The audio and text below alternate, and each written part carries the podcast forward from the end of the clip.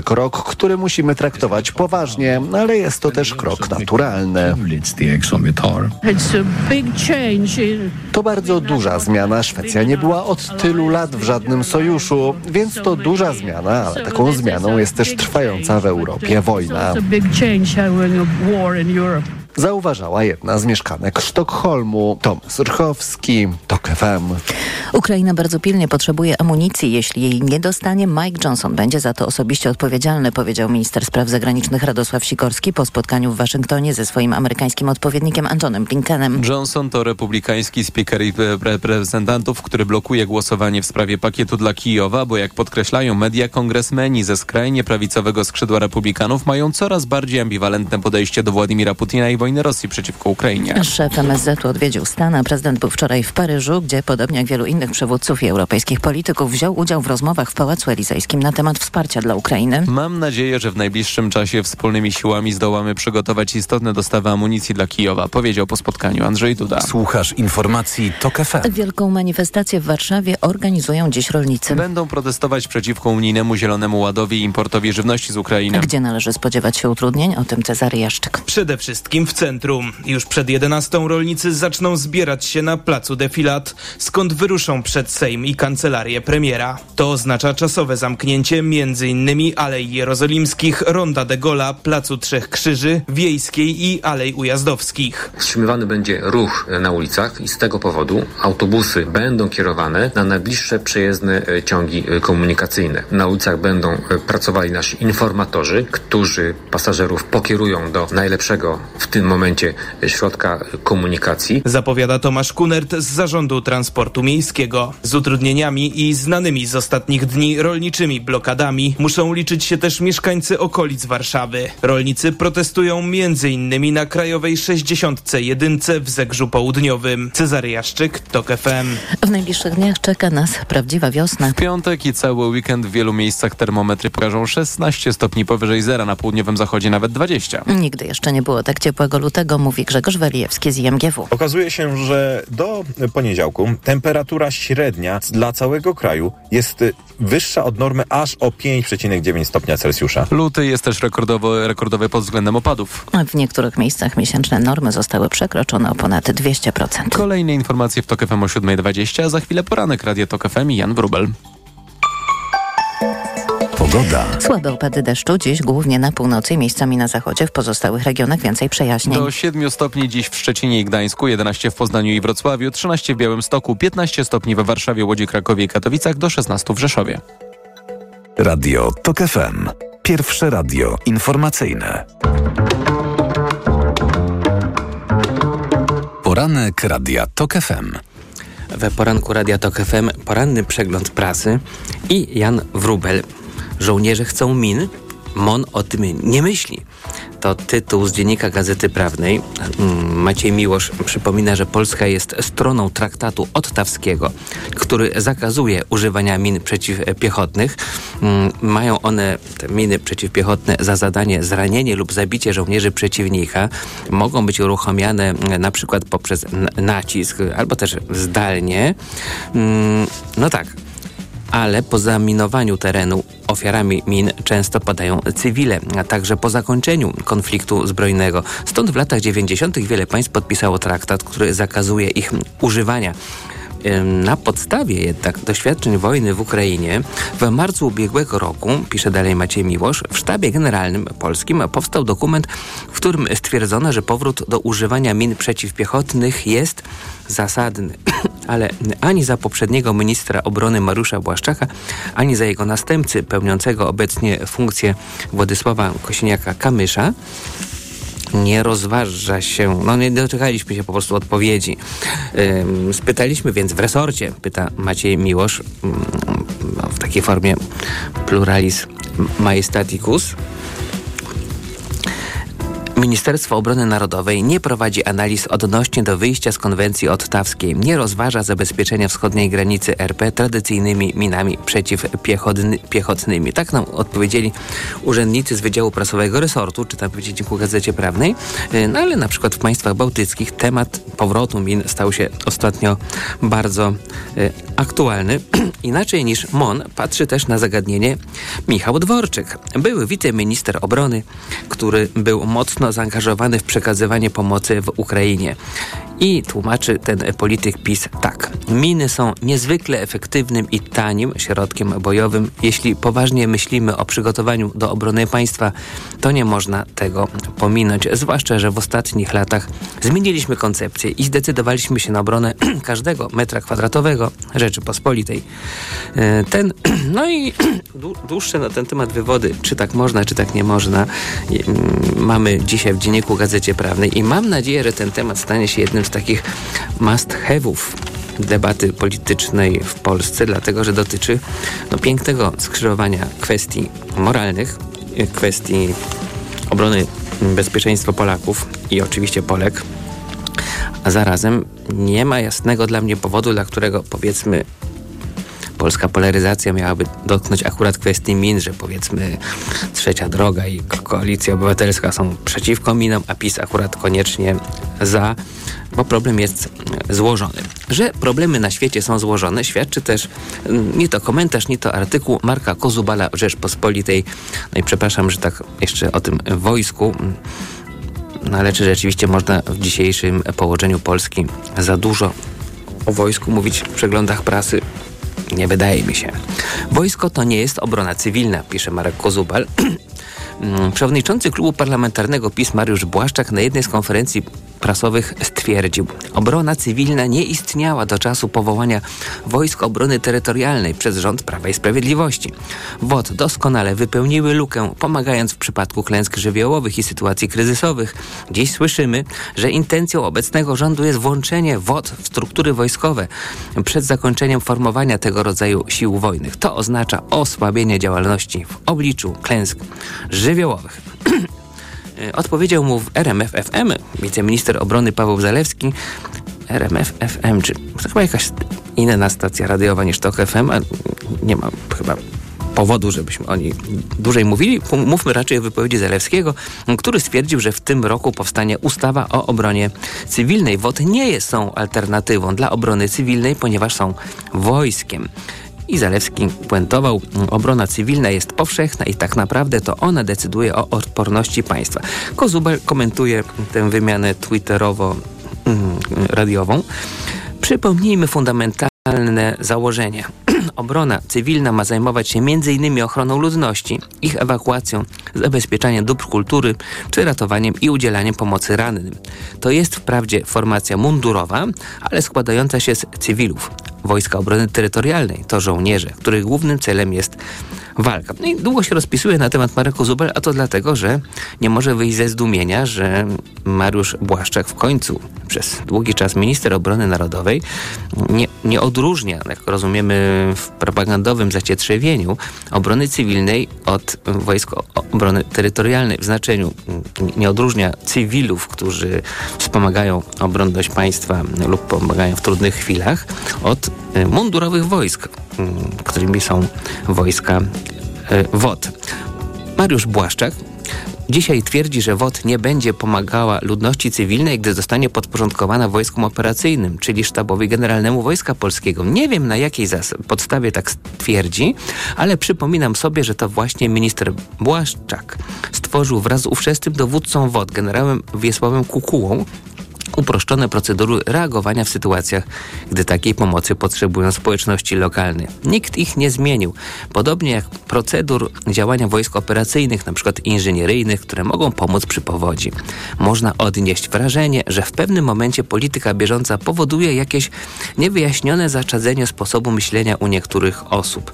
Jakby hmm, zaczęły te osoby chorować na amnezję i zapominały czym do niedawna się zajmowały. W przypadku Mariusza Błaszczaka moim zdaniem to jest jednak próba wytłumaczenia chyba dzisiaj najpoważniejszego zaniedbania ze strony rządów PiS, bo obronę cywilną, którą poprzedni rząd zastał w stanie agonalnym, zamiast reanimować, zlikwidował. Miał w tym także swój udział Mariusz Błaszczak.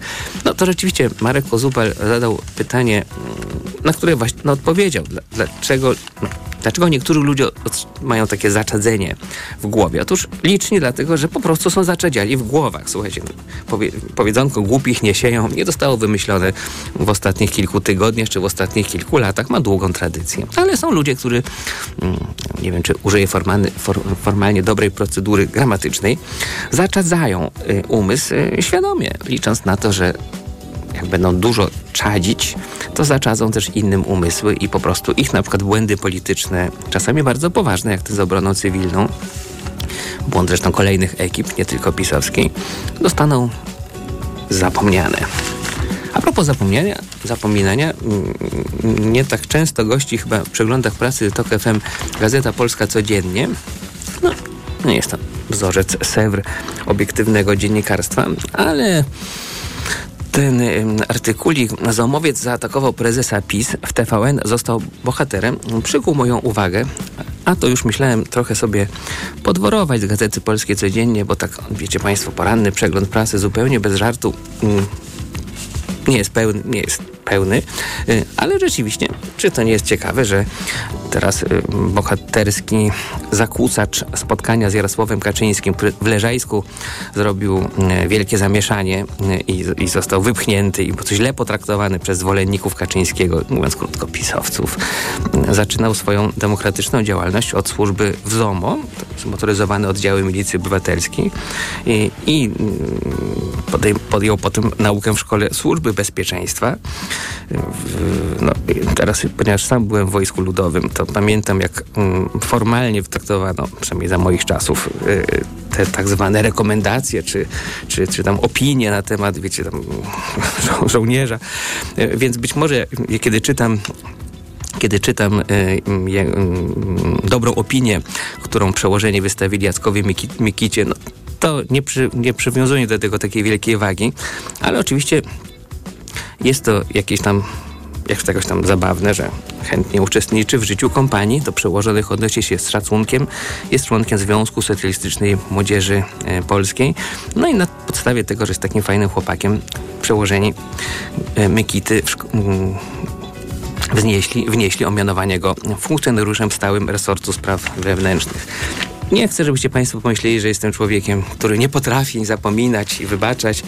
No, z pamięcią to mam trochę gorzej, ale z wybaczaniem nie mam żadnego problemu. Ludzie robią błędy. Niech sobie Państwo nawet wyobrażą, że nawet mnie się zdarza robić czasami poważne błędy. Wybaczam je sobie. Natomiast yy, po prostu ta sprawa ma akurat swój podtekst, odebrana emerytura, obniżona Jacka Mikity, bardzo, wiesz, mm, no, może też człowiek naprawdę, tak już bez żartów, no, może zmienić zasadniczo swój, swoją wizję świata. Demokracja jest ważna, PiS atakował demokrację, będę jej bronił. To wszystko może być bardzo autentyczne. Po prostu jeszcze jest być może ciekawym przypadkiem, a, a może tylko pretekstem do porozmawiania o tym, jak wiele osób, które w latach stanu wojennego zaangażowane były w publicystykę po stronie stanu wojennego, przeciwko Solidarności, przeciwko polskiej wolności, przeciwko oczywiście Stanom Zjednoczonym, które podżegały Solidarność do oporu przeciwko racjonalnej stabilizacji i po prostu normalizacji, której tak wszyscy potrzebujemy. Wielu ludzi, funkcjonariuszy czy współpracujących ze służbami w latach późniejszych, kiedy tylko PiS rządził, jakaś prawica, a najlepiej PiS, czyściło swoje życiorysy tym, że no może tam w latach 80. wykazaliśmy się postawą realizmu, ale za to w latach 2005-2007, to był taki moment wielkiej pralni, stanęliśmy po stronie demokratycznej Polski przeciwko Kaczyńskiemu i jego y, łukaszeńsko-putinowskiej sitwie. A zatem w sumie też jesteśmy z opozycji demokratycznej i też, też jesteśmy dobrzy. Nie przekonuje mnie to nie przekonywało, nie przekonuje i pewno już nigdy nie przekona, bo wiecie, jacy ludzie są na starość zawzięci. W Gazecie Wyborczej trafimy na bardzo ciekawe materiały, w tym Roberta Stefanickiego. No, posłuchajcie Państwo samego tak zwanego lidu. Bliska współpraca wywiadów amerykańskiego i ukraińskiego omal nie została zerwana, kiedy Ukraińcy zaczęli dokonywać operacji na terytoriach kontrolowanych przez Rosję. Ale od czasu inwazji ograniczenia nie obowiązują. Powołując się na dziennik The New York Times, Robert Stefanicki E, pisze, że wyciekły nieznane wcześniej szczegóły partnerstwa między Centralną Agencją Wywiadowczą a agencjami ukraińskimi. No i mm, czytamy o tym, jak Ukraińcy zbudzili zaufanie Amerykanów, jak USA pilnowały, by Ukraina przestrzegała czerwonych linii. E, no i co się wydarzyło, kiedy jednak mm, sam, samodzielnie, no, samowolnie wywiad ukraiński te, e, naruszył te czerwone linie przejdę Państwu też do fragmentu tego długawego, bardzo ciekawego artykułu. Tuż przed inwazją Dwa lata temu funkcjonariusze CIA odbyli ostatnią wizytę w Kijowie. Jak podaje New York Times, jeden z brytyjskich oficerów rozpłakał, bo też MI6 był, rozpłakał się na oczach Ukraińców, obawiając się, że Rosjanie ich zabiją. Ale funkcjonariusze CIA, jako jedyni Amerykanie, nie opuścili Ukrainy i dalej działali w tamtejszych bazach. W tym czasie czerwone linie zostały przesunięte. Prezydent Biden upoważnił agencje szpiegowskie do zapewnienia wsparcia wywiadowczego Ukraińcom podczas śmiercionośnych operacji przeciwko siłom rosyjskim na ich ziemi. Artykuł cytuje wypowiedź wysokiej rangi ukraińskiego, ukraińskiego urzędnika, że co najmniej w jednym przypadku CIA podzieliła się z Kijowem informacjami, które pomogły udaremnić zamach na Zełeńskiego. CIA w 12 tajnych bazach w Ukrainie hmm, ciekawy artykuł Roberta Stefanickiego, a obok Bartosz Wieliński pisze o tym, że najcenniejszy samolot Rosjan został zestrzelony a-50, a trafiony został rakietą wyprodukowaną jeszcze w Związku Radzieckim. A-50 trafiony rakietą Made in SSSR. Pisze z pewną satysfakcją redaktor Gazety Wyborczej. Trudno tej satysfakcji nie podzielić.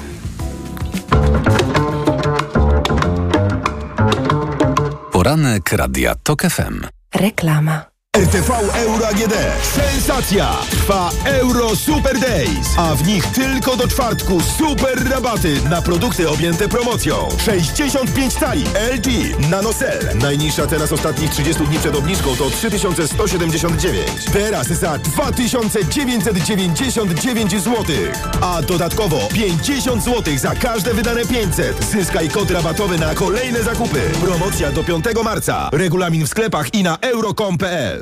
Sprawdzaj biedronkowe oszczędności codziennie. Do środy. Pieczarki tylko 4,99 za opakowanie 500 gramów. Do soboty. Szynka konserwowa Kraina Wędlin 200 gramów. Jedynie 3,69 za opakowanie przy zakupie trzech z kartą Moja Biedronka. Limit dzienny 6 opakowań na kartę. A tylko w ten wtorek. Mleko UHT 3,2% łaciate 1 litr 6 plus 6 gratis z kartą Moja Biedronka. Limit dzienny 12 opakowań, maksymalnie 6 gratis na kartę. I to są dobre powody, by iść do Biedronki. Reklama. Radio TOK FM.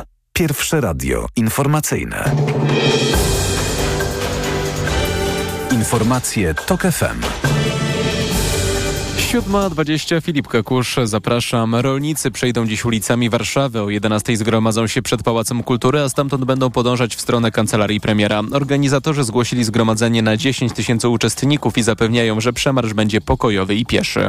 Edgar Kobos, były współpracownik byłego wiceministra Piotra Wawrzyka, zeznawał wczoraj przed komisją śledczą w sprawie afery wizowej. Większość przesłuchania odbyła się za zamkniętymi drzwiami. Na samym początku trwających prawie 5 godzin zeznań Kobos powiedział, że kierownictwo Zjednoczonej Prawicy próbowało aferę tuszować.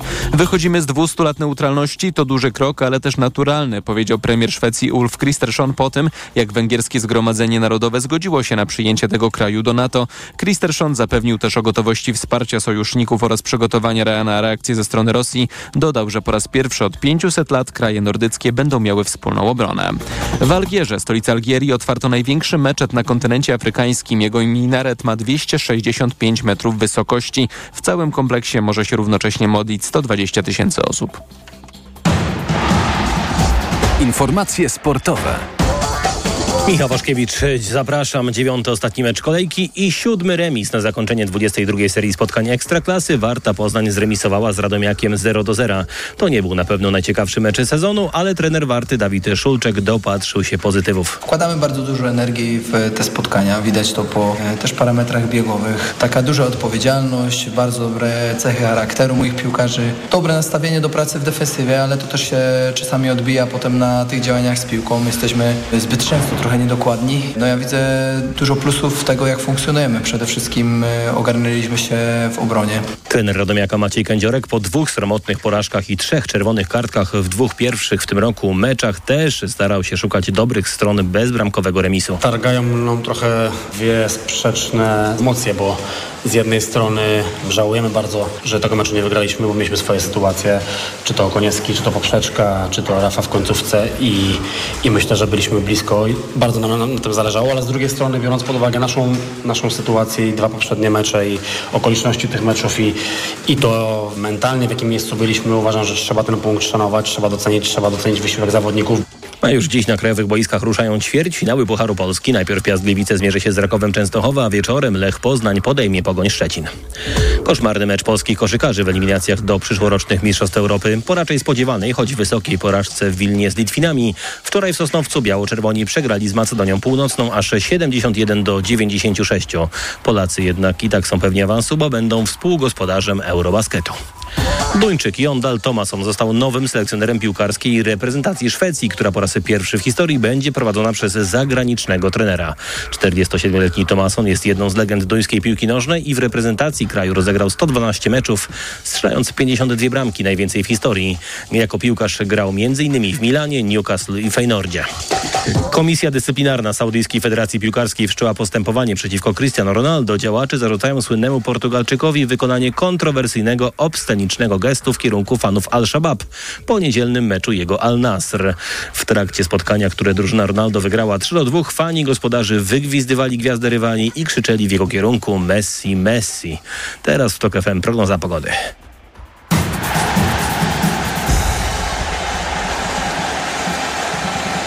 Sponsorem programu jest japońska firma Daikin. Producent pomp ciepła, klimatyzatorów i oczyszczaczy powietrza. www.daikin.pl Pogoda. Chłodniej od 6 do 10 stopni będzie dziś na krańcach zachodnich i północnych. Tam też może pokropić. Poza tym jednak słonecznie i bardzo ciepło. 14 stopni dziś w Kielcach, 15 w Warszawie i Krakowie, 16 stopni w Rzeszowie. Sponsorem programu była japońska firma Daikin. Producent pomp ciepła, klimatyzatorów i oczyszczaczy powietrza. www.daikin.pl Radio TOK FM. Pierwsze radio informacyjne. Poranek Radia TOK FM. Marina Julia, nauczycielka, działaczka społeczna, no, osoba po prostu o bardzo wielu twarzach, jest dzisiaj naszą, jak to mówią, mówię współcześnie się, gościnią. Dzień dobry. Dzień dobry. Marina, zajmujesz się uchodźcami ze wschodu, to dobrze, bo my lubimy tych nieszczęsnych, wyrzuconych przez wojnę. Tylko, że ty się zajmujesz mm, między innymi uchodźcami wyrzuconymi przez zupełnie jeszcze poprzednią, zapomnianą już wojnę. I nawet nie tylko wojny, ponieważ wojny sieją spustoszenia też w ludziach. I to są uchodźczyni, bo to są w większości wielodzietne mamy, które były przez długie lata ofiarami przemocy domowej, którzy uciekli od zła, od bicia, od poniżeń, ratując siebie i swoje liczne dzieci, które potem koczowały przez wiele, wiele miesięcy na tym przejściu granicznym z Brześcia do Terespola i które teraz starają się naprawiać świat i układać swoje życie na nie swojej ziemi. No jakie jest ich teraz, jakie jest podejście Polaków, czy Polski, Polski, Polska, polskiego do tej akurat grupy? Podejście bardzo się zmieniło, ponieważ właśnie pierwsza wojna czeczeńska, druga i wtedy Polacy szukali tych podobieństw, których było bardzo łatwo znaleźć, no bo to dążenie Jakby do niepodległości. Oczywiście, to dążenie do niepodległości, ta waleczność, to nie liczenie, że Rosja to jest ogromna, a nas jest raptem kilka milionów, tylko to takie niepodległość, godność jest najważniejsza. Wtedy było rondo imienia Dżohara Dudajewa i taki entuzjazm ogromny w przyjmowaniu, chociaż Polska nie wiedziała jak przyjąć, bo wtedy dzieci nie chodziły do szkół, bo szkoły nie były na to gotowe, trzeba było wszystkiego się uczyć, ale była chęć, była chęć przyjęcia. Natomiast teraz mm, i szczególnie w związku z wojną na Ukrainie, y, to się bardzo zmieniło, ponieważ niestety Czeczenia nie wywalczyła tej niepodległości i nadal jest jednostką terytorialną Rosji, więc każda czeczeńska kobieta, dziecko mają rosyjskie dokumenty, są obywatelami Federacji Rosyjskiej. I za Czyli tym jakby, tu papierkiem... oczywiście otwieram cudzysłów, to jakby Rosjanami. Tak jakby Rosjanami. No to koniec. jakby jest tu kluczowe, dlatego że oni przecież ginęli po to, żeby nimi nie być nie udało się, uciekli też, żeby nie być tam e, pod tą dyktaturą i nagle są traktowani jako Rosjanie. Bardzo często słyszą, nie zatrudnimy, ponieważ nie zatrudniamy e, terrorystów, nie zatrudniamy Rosjan, wy walczycie na Ukrainie. One nie walczą, one mają po siedmioro dzieci, one chowają tych dzieci i uciekły po to, żeby synowie też nie walczyli. E, Często w banku słyszymy, nie otworzymy konta. Oczywiście, że nie mówią, że dlatego, że pani ma rosyjski paszport, ale wiadomo, że jeżeli otwierali przedtem, a teraz nie, wiadomo dlaczego. I jest to ogromnie niesprawiedliwe, ponieważ oni najbardziej w świecie nie czują się Rosjanami. To są Czeczeni. I te historie, bo ja e, nie jestem hurtowa, ja jestem taka punktowa, od historii do historii, od człowieka do człowieka. I e, historia takiej Madiny, która mieszkała u Maćka Sztura, u Kasi Błażejewskiej-Sztur, która jest nieprawdopodobnie inteligentną kobietą, a ukończyła cztery klasy podstawówki, bo była druga wojna czeczeńska, bo federałowie rozrzucali zabawki, które wkładali materiały wybuchowe, więc ojciec powiedział stop, nie. Chcecie żywą, a wykształcenie trudno. I taka Madina, która na każdym kroku słyszy, bo, bo, bo Rosjanka, bo Rosja. Ona nie jest Rosjanką, ona jest ofiarą.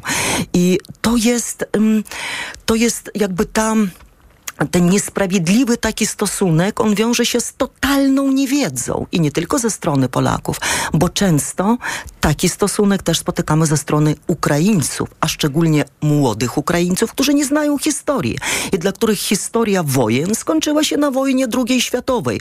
Bo jak mówię o wojnach czeczeńskich, jakie wojny czeczeńskie? Oni nawet o tym nie wiedzą. Hmm. No, to była diagnoza, a coś, przepraszam, bo to zabrzmi grubiańsko, ale zrobiłaś coś z tym? Czy, czy tylko poprzestajesz na mm, słusznym, usprawiedliwionym w moim odczuciu narzekaniu? E, absolutnie nie narzekam, to była diagnoza. Diagnoza nie ma nic wspólnego z narzekaniem, bo, na, bo diagnoza jest konstruktywna. Robimy, e, robimy na co dzień, bo mm, ja nieczęsto się wypowiadam w mediach. Natomiast wypowiadam się na co dzień, my się wypowiadamy y, i robimy nie wypowiedziami, tylko działaniem. Y, ja nigdzie nie ruszam się mm, na żadne y, działania na rzecz innych ludzi, na żadne pomaganie, właśnie bez Czeczenek, bez dzieci. Pomagamy od ośmiu lat i to pomaganie pokazuje, kim są. Y, Kilka dni temu w Domu Samotnej Starości, jak ja go nazywam, warszawskiej dzielnicy Radość, był konkurs Pani Radość i babcie, mnóstwo babci, które tam są zapomniane, polskie babcie, nieodwiedzane, zapomniane, skapcianiałe, były w pięknych balowych sukniach, które ja zdobyłam od sponsorów i wyprowadzali te babcie czeczeńskie chłopaki, 18-19-letni, którzy tu wyrośli. I jednym z nich był Ramzan.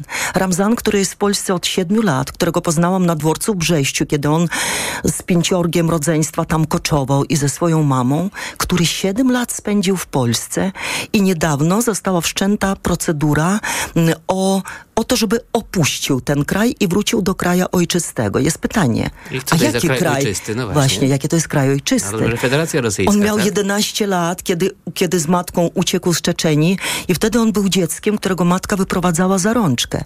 Teraz to jest 19-latek, który w momencie powrotu zostanie wcielony do wojska kadyrowskiego i pójdzie walczyć na Ukrainę za Rosję. Przecież to jest takie proste.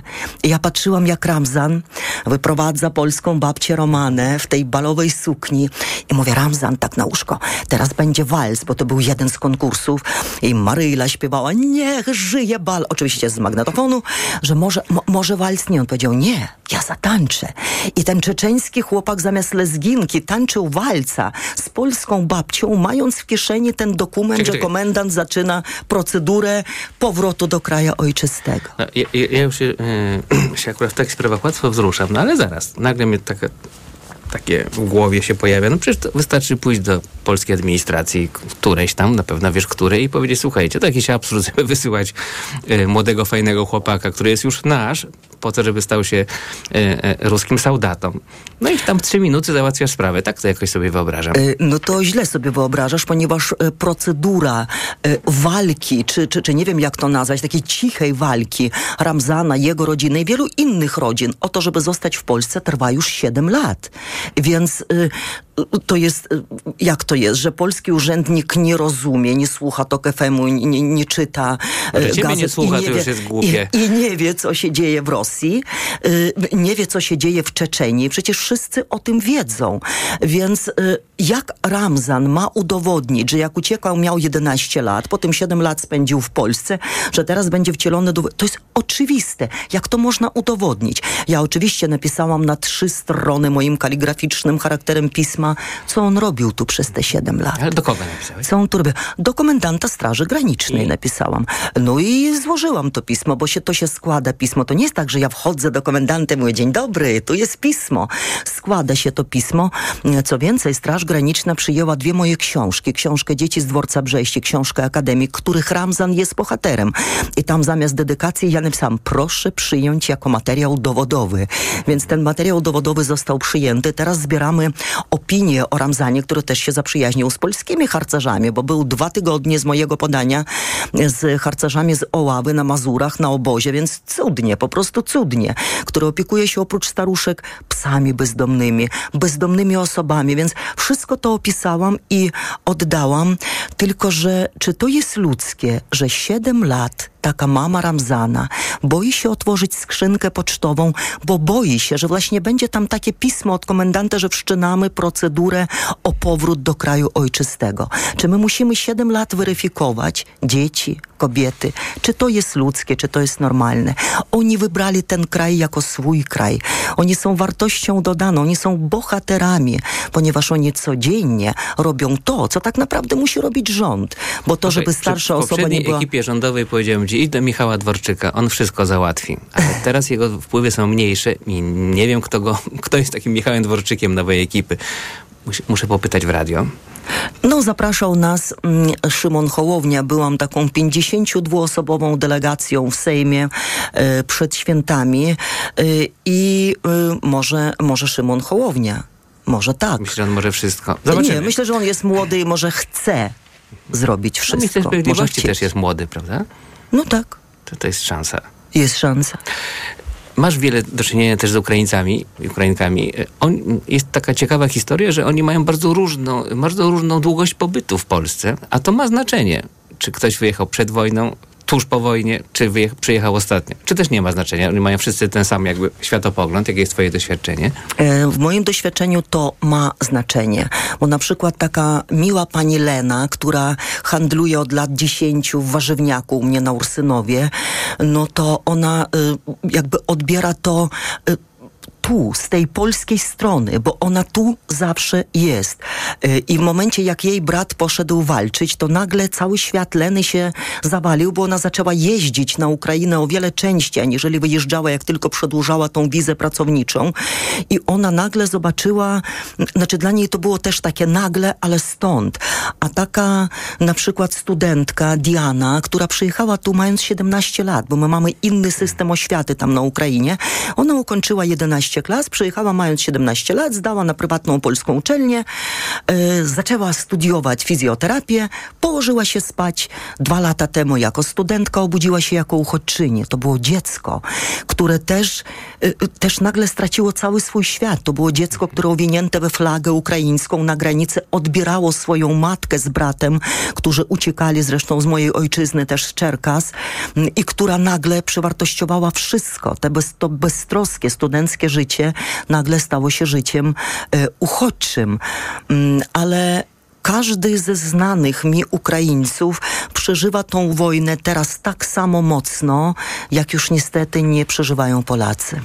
Mógłbym cię tak słuchać godzinami, ale co poradzić, że już mamy jakąś agendę tego poranka. Następni goście też się będą starali nas tak zainteresować jak Marina Julia, nauczycielka i społeczna działaczka.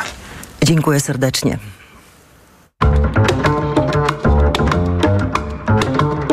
Poranek Radia TOK FM. Reklama. RTV Euro AGD. Sensacja! Trwa Euro Super Days, a w nich tylko do czwartku super rabaty na produkty objęte promocją. Zmywarka do zabudowy Whirlpool. Technologia szósty zmysł. Najniższa teraz ostatnich 30 dni przed obniżką to 1349. Teraz za 1299 zł. A dodatkowo 50 zł za każde wydane 500. Zyskaj kod rabatowy na kolejne zakupy. Promocja do 5 marca. Regulamin w sklepach i na euro.com.pl Populacja rysia już nie istnieje. Odtwórz ją. Przykro mi, Nie umiem odtwarzać zwierząt i ekosystemów. Sztuczna inteligencja nie może uratować dzikich zwierząt i ginących krajobrazów, ale ty możesz. Przekaż 1,5% podatku WWF Polska. Biedronka najpopularniejszym sklepem spożywczym w Polsce. Według rankingu popularności sieci handlowych 2024 aplikacji Listonik, Biedronka jest numerem jeden wśród sklepów spożywczych w 2023 roku. Jesteśmy dumni, że tego wyboru codziennie dokonują Polacy, świadomi i wybierający najlepsze ceny konsumenci w Europie. Tak, Biedronka najpopularniejszym sklepem spożywczym w 2023 roku. I to dobry powód, by iść do Biedronki. Dzień dobry, tu Kultura Liberalna. Podczas ostatnich wyborów parlamentarnych my, Polki, jednym głosem powiedziałyśmy państwo to my. Zagrożenia dla demokracji jednak nie znikają. Wciąż istnieją autorytarne pokusy. Kultura liberalna to tygodnik, który nie ustaje w walce o demokratyczne standardy. Bronimy wolności słowa i rządów prawa. Jako organizacja pożytku publicznego prosimy o przekazanie 1,5% podatku na niezależnych dziennikarzy. Dziękujemy za Wasze zaufanie. Katarzyna Kasia. Kamil Czudej. Mega okazje w Media Expert, a do tego na produkty objęte promocją do 40 lat 0% i nawet do czerwca nie płacisz. RSO 0%. Lubisz ryzyko? Z nami możesz wygrać więcej niż myślisz. Dołącz do nowego programu. Tylko dla mężczyzn.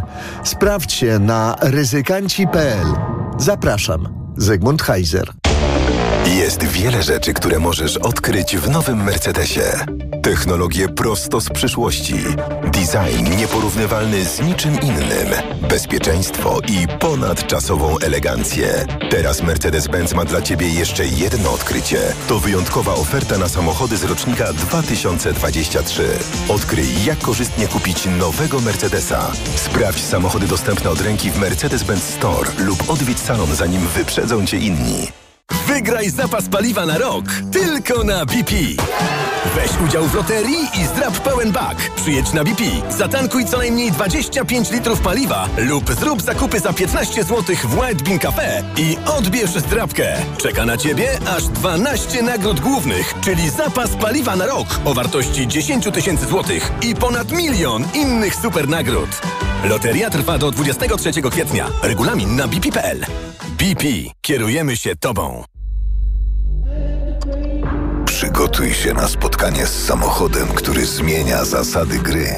Wyśnionym ideałem, absolutną perfekcją, kreującą trendy ikoną designu. Odkryj nową Toyotę CHR w specjalnej ofercie premierowej. Tylko w salonach Toyoty. Tylko podczas dni otwartych od 26 lutego do 2 marca. Przyjdź i przekonaj się, że niemożliwe to dopiero początek. Reklama. Radio TOK FM. Pierwsze radio informacyjne. Informacje TOK FM. 7.40 Filip Kakusz, zapraszam. Sejmowa Komisja Śledcza do sprawy afery wizowej przesłucha dziś byłego konsula w Mumbai i jego zastępcę. Obaj przed miesiącami zgłaszali nieprawidłowości przy wydawaniu zgód na wjazd do Polski. Wczoraj przed komisją zeznawał Edgar Kobos, były współpracownik byłego wiceszefa MSZ-u Piotra Wawrzyka. Przesłuchanie toczyło się za zamkniętymi drzwiami, jednak w jawnej części Kobos powiedział o dużej skali nieprawidłowości przy wydawaniu wiz, z której kierownictwo MSZ-u zdawało sobie sprawę. Mam również wiedzę odnośnie metod i sposobów, z jakich korzystali ludzie zatrudnieni w centrali Ministerstwa Spraw Zagranicznych, aby wymuszać wydawanie wiz na konsulach rozsianych w placówkach dyplomatycznych tak naprawdę po całym świecie. I ci ludzie podlegali pod Zbigniewa Rała i Piotra Wawrzyka. Składania zeznań odmówił były wiceminister Piotr Wawrzyk. Miał do tego prawo, bo toczy się przeciwko niemu postępowanie karne. Jeśli dojdzie do porozumienia między Hamasem i Izraelem w sprawie uwolnienia zakładników, walki w strefie gazy zostaną wstrzymane na czas ramadanu, zapowiedział amerykański prezydent. Deklaracja padła podczas rozmowy z telewizją NBC. Negocjatorzy z USA, Egiptu i Kataru pracują nad umową, na mocy której Hamas ma uwolnić część spośród kilkudziesięciu przetrzymywanych przez siebie zakładników w zamian za uwolnienie części więźniów palestyńskich przez Izrael oraz przerwanie walk w strefie gazy na sześć tygodni.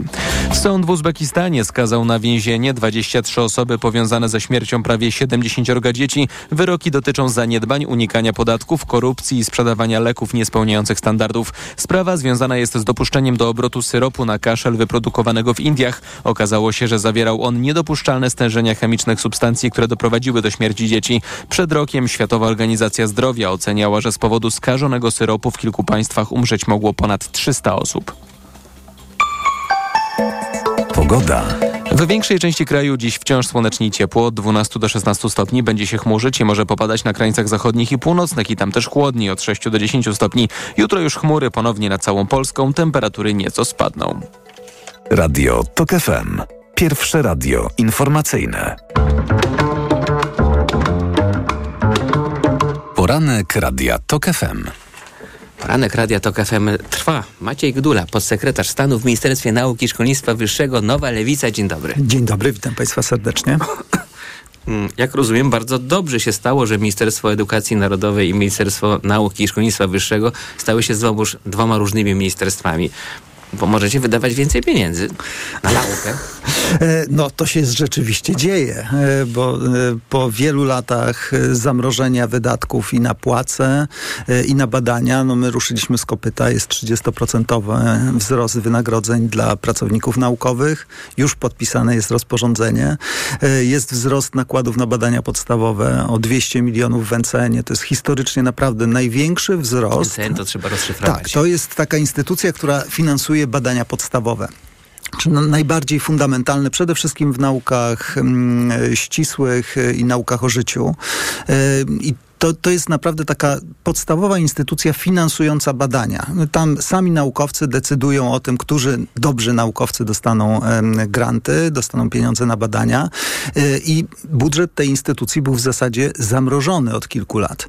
Y, No i my to zrobiliśmy to odmrożenie, 200 milionów to jest największy wzrost, teraz to jest mm, ten budżet to jest miliard y, 600 milionów prawie, więc y, naukowcy są naprawdę zadowoleni, wielu odetchnęło z ulgą, no bo mają poczucie, że wreszcie, y, wreszcie mogą y, liczyć na to, że dostaną finansowanie na swoje badania.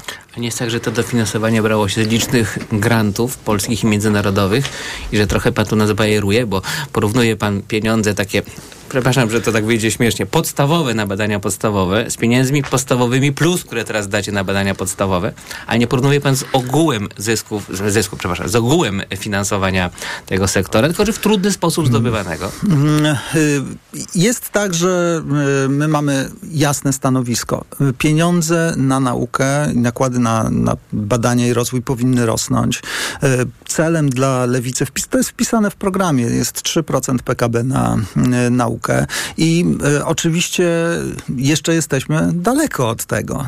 Y, Gdyby poprzednicy y, wykonywali swoją pracę, gdyby realizowali swoje obietnice, to bylibyśmy w innym miejscu. No ale teraz powoli zaczynamy budować ten, ten bank na naukę i chcemy, żeby, żeby ten bank sowicie finansował naukowców, bo na przykład jedną z rzeczy, której nie wie się tak powszechnie, jest to, że spadła nam w Polsce liczba naukowców na skutek tych wie- wielu reform, y, skomplikowanej sytuacji. Y, Kiedyś to było sto kilkanaście tysięcy, teraz jest pod 90, więc to, to nie jest tak, pan, że w Polsce... górników też tam spadła i nie, nie z tego powodu nie załamujemy rąk. Może po prostu było za dużo naukowców, może ich, jak, jakość ich pracy nie zawsze była wysoka. E, e, No i to jest, to jest kolejny problem. Ja mam wrażenie, że stereotyp, teraz okrzyczany z gatunku. Nie można myśleć stereotypowo, panie redaktorze. Mm, I jest tak, że reformy od 15 lat się odbywały pod hasłem polscy naukowcy nie dają rady. Polscy naukowcy są słabi, polscy naukowcy są e, jak panowie feudalni, nie są międzynarodowi, nie mówią po angielsku i tak dalej. Y, I małe nakłady na naukę, w moim przekonaniu, to jest trochę efekt tej opowieści. No bo jak się o, o kimś mówi, że jest beznadziejny, no to ludzie mu nie chcą dawać pieniędzy. Jak się mu nie daje, to nikt nie krzyczy. No to jest naturalne. No jeżeli sobie nie radzi, no to najpierw niech się zreformuje. Tymczasem polskie uczelnie naprawdę są dobre.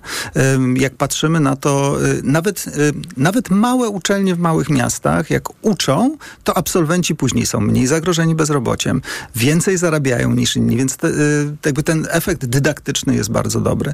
Efekt naukowy też jest niezły. Polskie uniwersytety, na przykład techniczne, są wśród 50 najlepszych europejskich uniwersytetów technicznych. Jeżeli popatrzymy na poszczególne jednostki, na przykład na wydziały chemii albo instytuty chemiczne, one są na naprawdę najwyższym światowym poziomie, więc powinniśmy chwalić polską naukę. Na najwyższym światowym to chyba No słowo daje panu redaktorowi. Na najwyższym światowym poziomie Instytut Chemii Polskiej to Akademii tylko te Nauk. najlepsze dotować, dać każdemu z nich po te 200 milionów, co akurat w perspektywie światowej to są grosze i niech wydają każdy z nich po 200 milionów, po co dawać wszystkim? To jest świetny pomysł. Ja też jestem za tym, że na przykład w sporcie wspierać tylko Messiego i, i Ronaldo, prawda? No po co, po co e, robić szkółki dla dzieci, łowić talenty? Lepiej po prostu zainwestować w 11 Messi i będziemy mieli super wyniki. Kolegium, Kolegium Humanum to była taka szkółka piłkarska, tu oczywiście używamy metafory. No, Kolegium Humanum to jest, to jest taki raczej serial w stylu rodziny Soprano. To znaczy taka... No, ja, ja Śmielej, przyznam, śmielej. No, ja jestem naprawdę e, tak no, dość, dość wstrząśnięty. No, jesteśmy przy, przyzwyczajeni do tego, że na uczelniach są jakieś, tak, że zdarzają się jakieś, no jak wszędzie, jakieś nadużycia, no ale w, e, to przypomina jednak bardzo mroczną instytucję. No, tam 30 zarzutów CBA chyba postawiło, e, łącznie z jakimiś nadużyciami e, dotyczącymi To szczęście, że przemocy. CBA mają teraz rozwiązać pana koledzy w rządzie, to już nie będzie stawiało zarzutów światu nauki. Świat E, nauki odetchnął z ulgą. E, Myślę, że e, inne insty- mamy wiele instytucji, wiele służb e, e, i specjalnych, i, e, i, i CBS, więc tutaj e, nie spodziewam się, żeby nie było e, komu wykonywać pracy Ale CBA. Zresztą ja mogę coś mylić, bo wie pan, jak mi się myli. Chyba CBA to jest ta y, przejęta przez PiS y, sitwa działająca na zlecenie pisowskich luminarzy politycznych, więc jeżeli akurat CBA postawiło 30 zarzutów Kolegium Humanum, to znaczy, że ono jest demokratyczne, postępowe, progresywne i że wszystkie te zarzuty obali sąd. W- Wyczuwam ironię, ale byłem też e, w e, Dziękuję. poprzedniej e, kadencji e, w e, Kolegium Służb Specy- w, w Komisji Służb Specjalnych w Sejmie. E, No i widziałem jednak dość em, przykre rzeczy, które się działy w, C, działy w CBA, między innymi wynoszenie pieniędzy przez e, kasjerkę w reklamówkach. Szef tej służby został ukarany przeniesieniem do, o ile pamiętam, to było PZU, e, gdzie zarabiał setki tysięcy złotych e, rocznie. Ale w poczuciu krzywdy na No pewno. na pewno, na pewno był, miał poczucie, że, że go niesprawiedliwie potraktowano.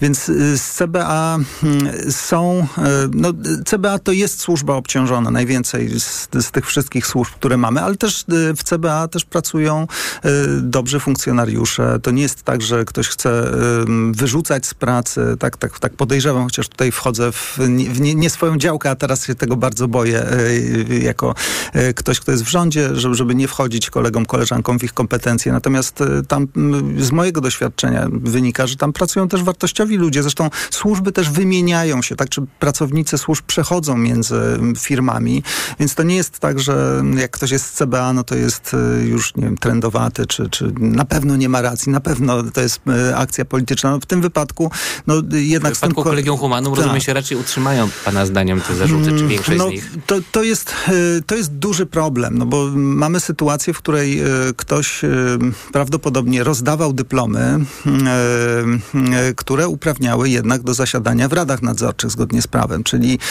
no, tutaj mamy taki styk e, biznesu, bo na tym polega tak e, produkcja tych dyplomów i z drugiej strony jednak odpowiedzialność em, w spółkach Skarbu Państwa, w instytucjach e, samorządowych.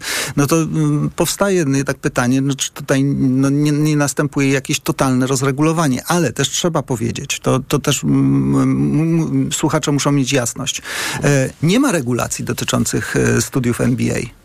To znaczy to jest, e, bo, i to jest taki efekt k- takiego kompletnego liberalizmu. No, Czyli mogą być bardzo dobre, mogą być bardzo niedobre, mogą być długie, mogą być krótkie. Tak, ministerstwo nie, y, tak, nie, nie bada tego Polska Komisja Akredytacyjna. My nie, my nie akceptujemy y, tego kierunku studium. To jest biznes i to, to, to stworzono w takim przekonaniu, no ale jak to ludzie przecież sami wybiorą najlepsze produkty, a jak będą chcieli gorsze, no to sobie wybiorą gorsze. No, my się do tego nie mieszamy, więc jest tak często, że, że ta, taki taki, taka narracja, o tu państwo wchodzi, po co, mi, po co mi państwo będzie tam w szkole decydować, jaki ma być kolor ścian albo rozmiar kopert. No nie, nie niech, niech się odczepi od, od uczciwego biznesu. No, tymczasem są takie obszary, które rozregulowane no, będą A ja to tworzyć widzę tego troszkę typu inaczej. efekty. Widocznie ten e, niedobity we mnie liberał gospodarczy tutaj przemawia. Mianowicie sam pomysł, że ludzie mają MBA-owskie e, inż- takie e, wspaniałe dyplomy, o to, że są już mogą zarządzać biznesem i prowadzić w ogóle co chcą, jest całkiem dobry przy założeniu, że po drugiej stronie są prywatne firmy, które biorą pod uwagę, czy ten dyplom jest e, z kolegium humanum, czy z kolegium porządne studia, prawda? A potem pojawia się w tym systemie istotne zaburzenie. Mianowicie te dyplomy są potrzebne w instytucjach e, państwowych, skarbu, skar, spółka Skarbu Państwa, co też nie byłoby jeszcze nieszczęściem, gdyby nie to, że one no, uległy erozji moralnej, jak, jak wszystko w ostatnich wielu latach. Hmm? Zatem to jest troszkę tak jak ze studiami wyższymi, egzaminami na studia wyższe i maturą. A niechże matura będzie zdawana na poziomie 30%, byle uczelnia żądała od ciebie 75%, prawda? I mamy wtedy bardzo wysoki procent, w ogóle bardzo wysoki poziom nauczania, ale uczelnia całuje ci rękę, jeżeli w ogóle do niej przyszedł i że masz 30% z polskiego, czyli potrafisz się w miarę poprawnie podpisać, jej zupełnie wystarcza. I cały ten system maturalny się zapadł, nie? Y, tylko wtedy by trzeba było określić, co to znaczy dobry MBA. Y, można by tak zrobić. Y, są takie koncepcje, żeby wprowadzić y, na przykład do ustawy y, ce- wymóg certyfikacji. Na przykład są trzy firmy międzynarodowe, które dokonują certyfikacji y, tych studiów, no i można by tam było to wprowadzić. Z tym, że no to oznacza y, duże koszty po stronie y, uczelni.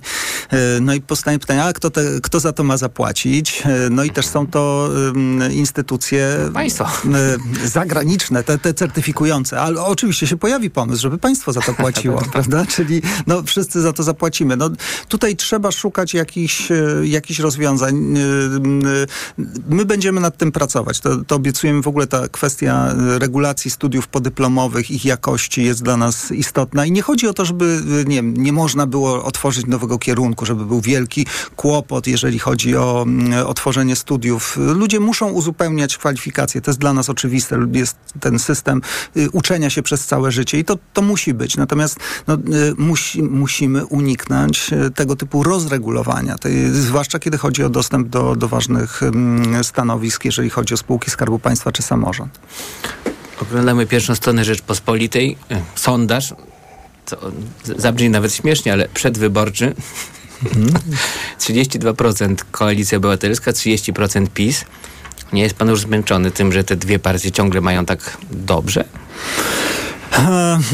Czy pan, pan jest z całkiem nowej lewicy i właściwie no, moglibyście patrzeć już z niesmakiem na to, że oni ciągle nie wiadomo jak to robią. Mają takie dobre wyniki. Y, To nas tylko mobilizuje, żeby y, bardziej docierać do y, wyborców, wyborczyń, przekonywać ich do naszego programu, pracować ciężej. I rzeczywiście tak jest. Znaczy to trochę tak, trochę ironizuję, ale, ale na, naprawdę mniejsi się muszą bardziej starać.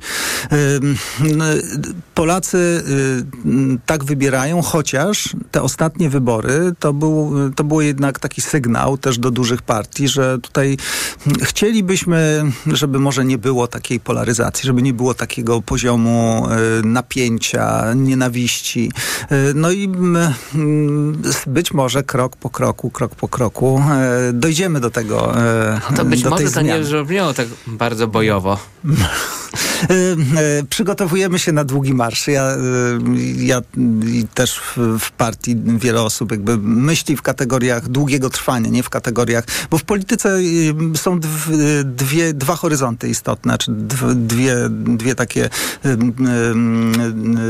dwa, czasy. Jeden bardzo bliski, to znaczy taki operacyjny, najbliższe wybory i drugi y, 10 lat, 15, gdzie chcemy być, co chcemy zrobić. I myślę, że politycy, którzy y, zapominają o tych dwóch wymiarach, y, po prostu nie mają szans na, mm, y, na to, żeby wpłynąć na rzeczywistość.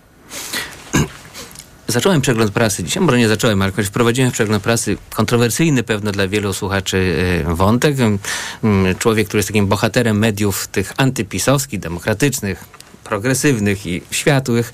E, no ma za sobą taką przeszłość, teraz ma teraźnie, teraźniejszość ma taką, że przeszkadza Kaczyńskiemu w, w spotkaniach wyborczych, za to jest bardzo chwalony, bo jak wiadomo na tym polega demokracja, żeby denerwować Kaczyńskiego. To nie muszę tego, tego chyba rozwijać w tym gronie.